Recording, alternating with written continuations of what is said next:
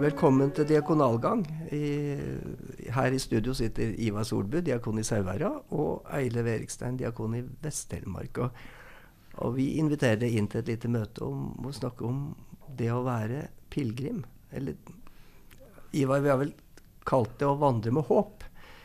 Og det, altså, det oppstod for meg som en gang jeg hadde en sånn pilegrimsvandring sammen med psykisk helse. Eh, Starta med det i Vest-Telemark for en ti-tolv år siden. Og så sto det i avisa at nå skulle Diakonen i Vest-Telemark dra i gang en sånn pilegrimpsykiatrivandring, sto det. Og så sa så fikk jeg et illsint brev fra ei dame i nedre del av Telemark som sa at dette Nå måtte ikke psykiatrien bli involvert i pilegrim, fordi at psykiatrien hadde gjort hennes og hennes familie så mye vondt. Så dette med pilegrimspsykiatri det måtte ta slutt med en gang. Og så tenkte jeg det var litt dårlig uttrykk, egentlig. Og så begynte jeg å tenke på en vandring eller en studietur jeg hadde med Kirkas Nødhjelp i, i, i Guatemala i sin tid. Og der var vi med på en vandring til en, en skole som var helt uh, Det hadde vært et sånt jordras som hadde begravd landsbyskolen. Og 20-30 unger var omkommet der. Og så vi, kom vi året etter og skulle vi være med på en, en, en minnevandring. Og så spør vi liksom hva, ja, hva er dette her? Er det en sorgvandring?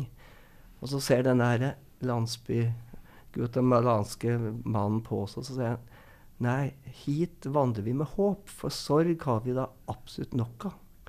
Og det er litt sånn dette Så da ble denne pilegrimsvandringa som jeg har stått for til Røldal, den ble kalt 'Å vandre med håp'. Egentlig så er vel det nesten en definisjon på diakonien òg. Å vandre med håp. Ja, kan vi greie å skape håp, så hadde jo det vært toppen av alt. Eh, spør vi spør jeg konfirmanter om hvilke håp de har, så har de veldig vanskelig for å sette ord på det. Jeg har vært noe i Sør-Afrika, og av og til så virker det som det er enklere å snakke om håp når livet er fryktelig vanskelig, enn når livet flyter mer rolig videre. Hva slags Men, håp tenker du at Hva slags håp, hva slags håp har du? Store håp? Små håp? Nei, vi har jo et håp om at helsa skal være bra, at uh, forholdet til nær familie skal være godt. Kanskje et håp om å komme ut i verden og oppleve nye ting, eller eh, håp om at i dag er det noe godt til middag. Det er jo store og små håp som vi noen er viktige, og noen er ikke så viktige i det hele tatt. Jeg har eh, pilegrimsvandring sammen med innsatte i dette fengselet i Fyresdal, Skogsleiren i Fyresdal. Og da har vi, når vi går to dager over Haukelifjell til det gamle pilegrimsmålet i Røldal, så spør jeg de midt sånn i bakken opp mot Dyrskar eh, at de skal gå i stillhet og tenke på hva som er godt i livet deres akkurat nå. Eh, og da er det noen som sier jo kameratskap på vandringa, eller bare det å gå ute og, og, kjenne seg fri. Og så går vi inn gjennom en gammel tunnel oppe i Dyrskar fra 1900. Og et år så var det en kar som gikk gjennom der, og der drypper det liksom fra, fra taket i tunnelen. Og på toppen av Dyrskar så sier han til meg du, kan ikke du gjøre sånn som de gjør på små unger i kirka? Ja, små unger, sier jeg. Ja, sånn kryss og kors og greier. Og så ber han da på toppen av Dyrskar så ber han om å bli krossmerkt, om å få tegna korset på seg. Og jeg, han sa aldri det, at han var blitt født, som, på, født på ny, men, men, jeg tenkte at kanskje var det han gjorde. At han gjennom den vandringa gjennom tunnelen og denne, disse her dråpene ovenfra følte seg født på ny. At det var en ny start. Og så kom han tilbake innom meg på året etter. Da traff han bare kona mi. og så måtte jeg bare få, fikk jeg en hilsen om at det går bra med meg. og nå er jeg på vei opp på Haukelifjell for å fiske og for å gå innom denne tunnelen igjen. Og da er det liksom dette her litt sånn håpet som vi ikke ser, Ivar. på en måte, At det, noen mennesker får håp av noe de opplever. og som vi kanskje er med på å legge til rette for. Og pilegrim tror jeg er litt sånn. Vi skaper en vandring, og så veit vi ikke hva som skjer underveis. Du har jo hatt noen vandringer i Sauherad, har du ikke det? Jo, vi har gjennom åtte-ni år gått fra Nes kirke, som er middelalderkirke, til Bø gamle kirke. Det er en ja, vel to mil. Ikke alle går hele veien. De færreste gjør det. Men man går eh, en bit her eller en bit der. Eh, de som vil, kan være med på en gregoriansk morgenbønn. Og så skjer det ting underveis. Man er innom eh, museer i området, og man kan kjøpe seg mat. Og det, det skjer forskjellige ting underveis. Og så er målet gamlekyrkja i Bø som står på Bøhaugen rett ved den nye kirka. Men heldigvis reiv man ikke den gamle, altså man restaurerte den i ettertid. Og det er ikke alle som går dit. Ehm, jeg tenker jo at kirkas oppgave i dette er å være til stede og gi folk mulighet til å gå gjennom åpne kirkedører. Og så får de som ønsker det, gjøre det valget. Vet du hva pilegrim kommer av, Ivar? Ja, det, Du veit vel sikkert det, men, men Jeg det er, har jo vært så mye sammen med Ja, det, at ja. uh, det har jeg hørt om. Dette er jo et sånt litt uh, Sikkert uh, noe latinske greier som pellegrino, som betyr en fremmed. Men en pilegrim er jo ikke lenger fremmed enn når han, kommet, når han kommer fram og blir tatt imot. Da er han ikke fremmed lenger. Og underveis på vandringa så blir han jo tatt imot gang etter gang etter gang. Og det syns jeg er så fantastisk flott at du går mot noe som du ser som et hellig mål. Et krusifiks i Rølla f.eks. Eller, eller Nidaros eller Santiago de Compostela. Og så blir du tatt imot underveis. Og så, I gamle dager så fikk de gjerne et pass som sa at du var en aktverdig mann på en vandring og skulle få overnatting og mat og bli tatt imot som en gjest. Og dette gjestebildet er kanskje det der flotteste en kan liksom å bli tatt imot og bli oppvarta og velkommen. Kjære deg. Vi hadde noen år ei pilegrimsvandring for ungdom. Og de fikk Der hadde vi laga ordentlig sånn pilegrimsbevis. Og så kom de gjennom en av Sauherrads mange frukthager. Og så så de noen som drev og høsta plommer. Og så fikk de så lyst på plomma, disse ungdommene. Og så sa jeg ja, men dere har jo pilegrimsbevis, bare gå bort og vis det. Og så var det østeuropeiske høstere, og de var jo helt innforstått med dette. Så når disse ungdommene kom med sine pilegrimsbevis, så sa de vær så god, bare forsyn dere, dere er jo pilegrimer. Eh, hos oss så har pilegrimarbeidet eh, også blitt en sånn veldig god samarbeidsarena. For der er vi mange som kan jobbe sammen. Det handler jo om eh, turlag som, som, er opptatt av dette med stier og, og gode plasser å gå. Det handler om uh, museer som tar imot, som serverer mat. Uh, det handler om kirka, selvfølgelig.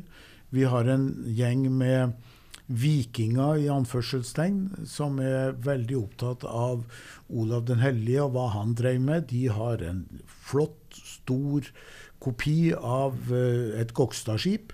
Så der kan folk få være med å ro over Nordsjø. Så uh, pilegrimsarbeidet har blitt en viktig samarbeidsarena hvor mange gode krefter kan jobbe sammen. Og kanskje har vi litt forskjellige mål, men det er jo totaliteten som teller, og ikke hver enkelts uh, opplegg. Det er jo liksom en kirke på vandring, dette her. Det store, store kollektiv som er ute og går. Har, I Vest-Telemark så har vi en vandring med psykisk helse. Fra seks Vest-Telemark-kommuner pluss en arbeidsmarkedsbedrift som heter Kvito, og en DPS, distriktspsykiatrisk senter i Seljord, som òg er med. Og der er det sånn at en veit jo ikke alltid hvem som er hvem, om det er en bruker eller klient, eller sånn, men alle er på en måte pilegrimer. Og når vi snakker sammen så tenker jeg på et år så var vi på fjellet og, og hadde blanda inn en del av våre gode kollegaer i Agder og Telemark, Ivar. Og vi, hadde, en del av det. og vi hadde til og med en, en, en biskop preses, nå, som nå Olav Skjevesland, som ble begravd nettopp. Og jeg sa til kjentmannen min der at du skal, du skal, vente på oss fra psykisk helse, men det, du skal ikke gå med den første gruppa av diakoner. Men han gjorde det helt motsatt. Så han, dagen var slutt, så sa jeg til kjentmannen at du, dette ble jo feil. Eh, du tok jo med den gruppa som du ikke går med. Tok med og tok med. Altså jeg jeg syns den gruppa, den de, Jeg syns jo til å være fra psykisk helse, så syns jeg de, de funka jo veldig bra. Og da hadde, da hadde denne kjentmannen gått med en gjeng med kompetente diakoner og en, en norsk biskop, preses til og med. Ja, Men vi greide oss ganske bra. Ja, det greide vi veldig bra. Sånn at det er liksom noe med innramminga. Og jeg tror hvis en er, har en slags tanke om at en er klient, så er det ganske fint når en går ut av den boksen og får lov å være pilegrim. En fremmed på vandring mot et hellig mål. Får lov å gå sammen. Og om en er en psykiatrisk sykepleier eller en pasient, så, så er det viktigste at en har bein å gå på. Ja, for første året, eh, eller det året da, da vi, han tok feil Dagen etter så gikk jo begge gruppene sammen. Mm.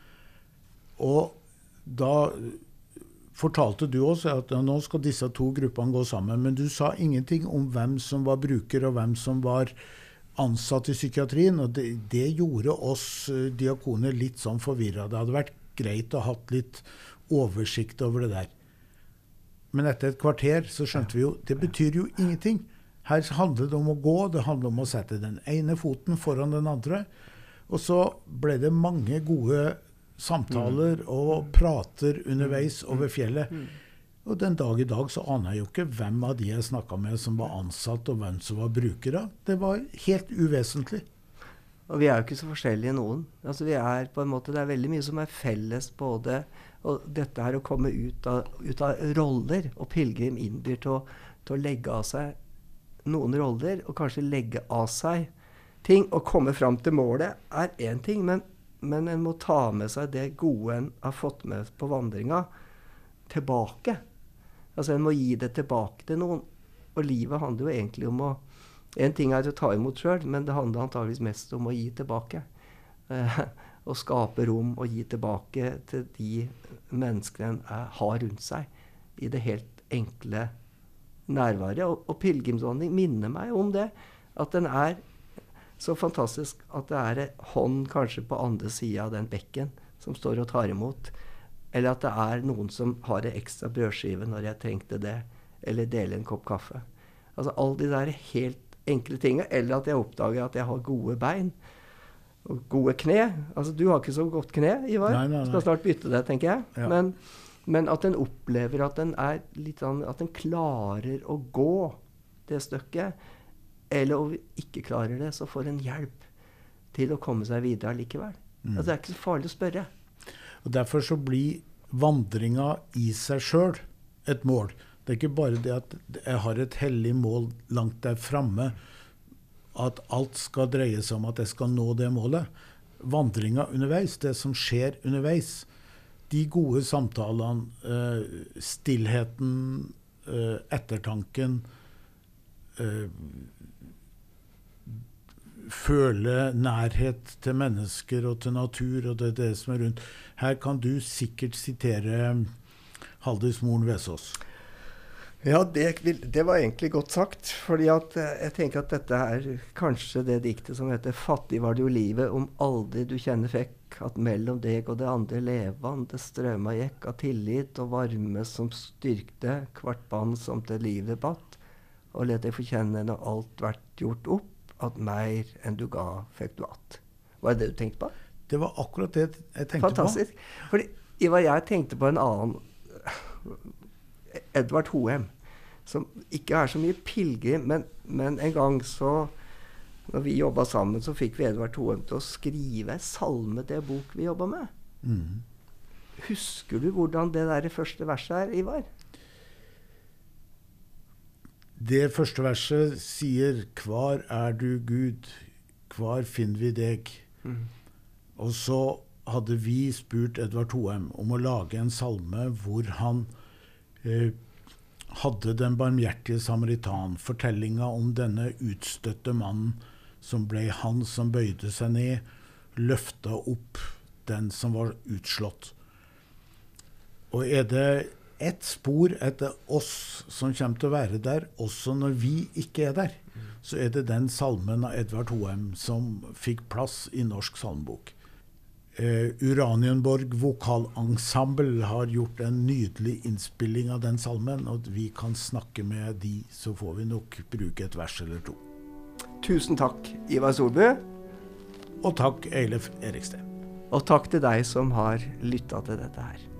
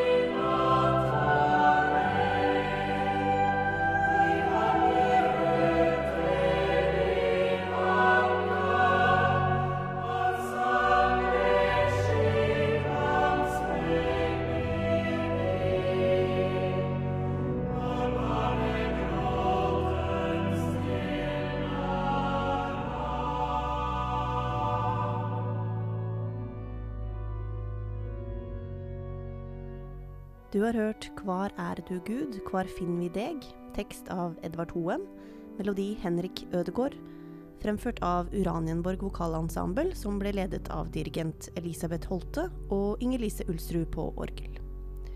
Dette var siste episode av podkasten Diakonalgang. I studio satt Eiliv Erikstein og Ivar Solbu.